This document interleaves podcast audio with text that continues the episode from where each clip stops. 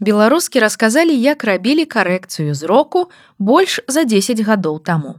Пасля карэкцыі я ўбачыла, што ўсе не такія стройныя, якімі здаваліся.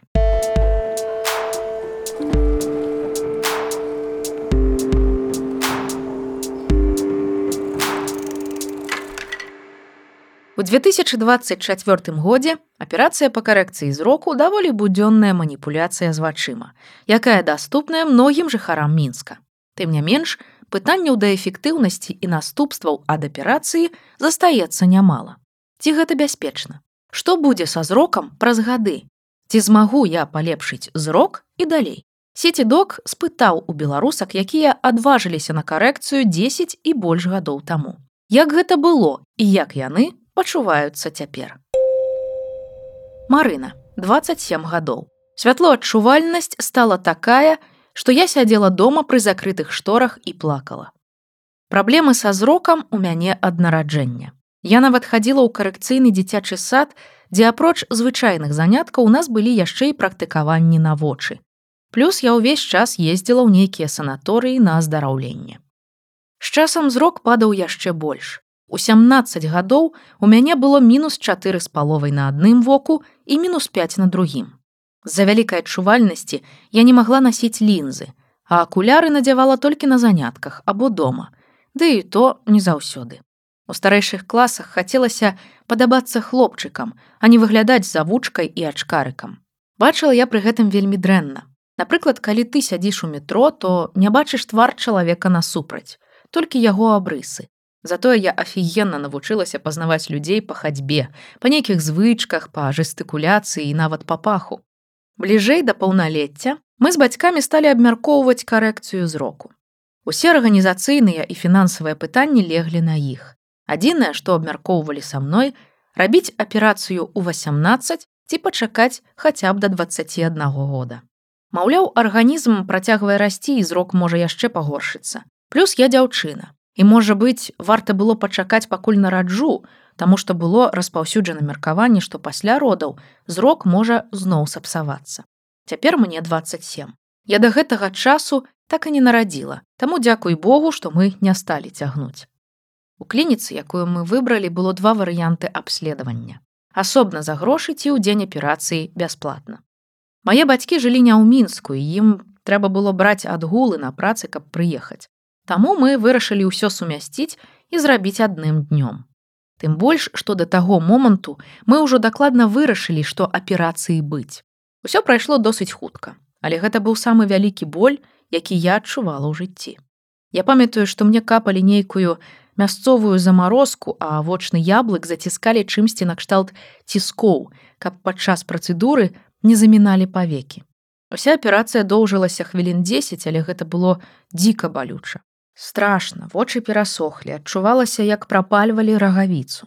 Усе, хто рабіў лазерную карэкцыю праз некалькі гадоў казалі, што ім было ўвогуле не балюча. Магчыма, з часам тэхналогіі палепшыліся. Але тады ў 2014 годзе я запомніла гэты досвед як супертравматычны. Плюс пасля аперацыі я сутыкнулася з усімі магчымымі пабочкамі. Першыя дні ў мяне былі ўвесь час ацёклыя вочы стрэснутымі капілярамі і адчуваннем пяску. Святлоадчувальнасць таксама была дзікай. Днём я не магла глядзець на яркі снег, якога той зімой было шмат. А ўвечары сядзела дома пры закрытых шторах і плакала, Таму што ліхтары з вуліцы свяцілі ў вокны, па адчуваннях як пражэктары.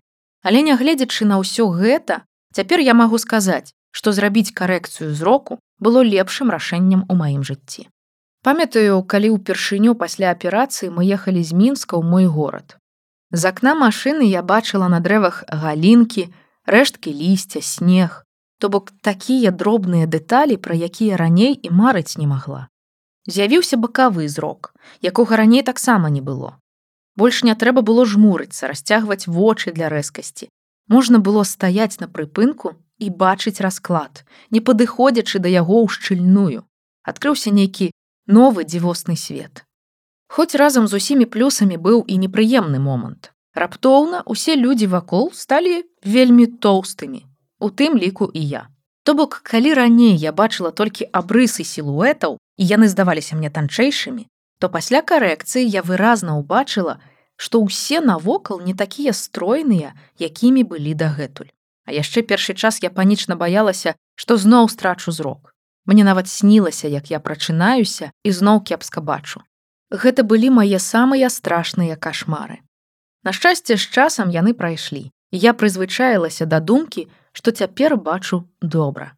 На сённяшні дзень амаль праз 10 гадоў зрок у мяне зноў крыху сапсаваўся. І ўпершыню нейкія змяненні я стала заўважаць гады праз тры. Але ўсё роўна мой зрок дагэтуль значна лепшы, чым да аперацыі. Таму я не шкадую ні аб адным выдаткаваным рублі.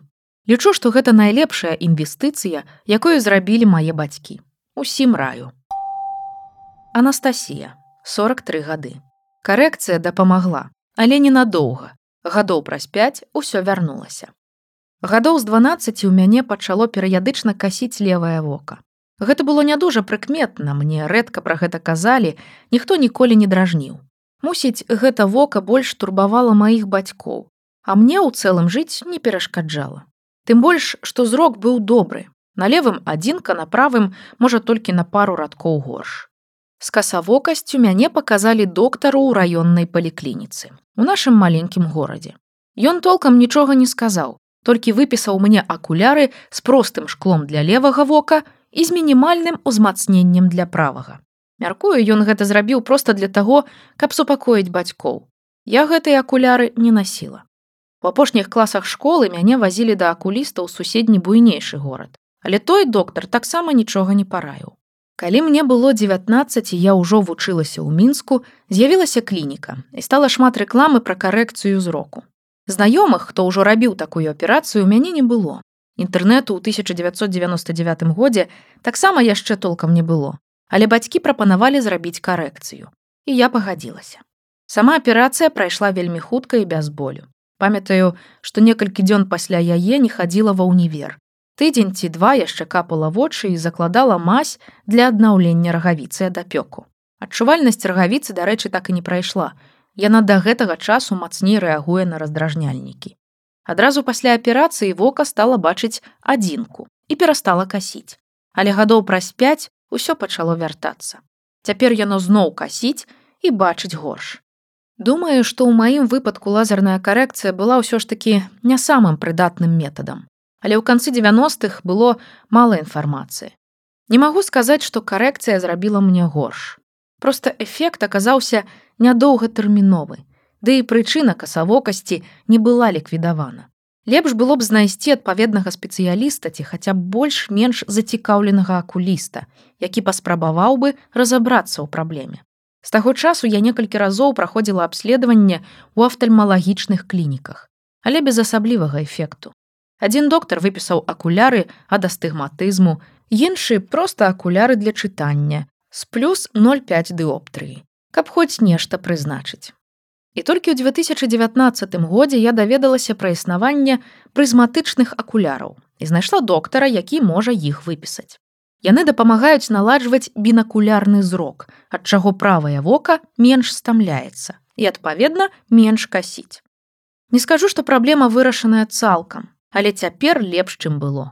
Напэўна, калі б такія акуляры з'явіліся ў мяне ў падлеткавым узросце, эфект быў бы больш значны.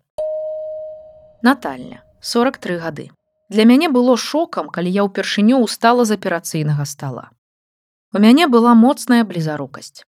Адно вока бачыла лепш, другое больш дрэнна, але на абодвух было амаль па мінус 8. Пры гэтым шкло ў акулярах было ўжо дастаткова тоўстае і цяжкае.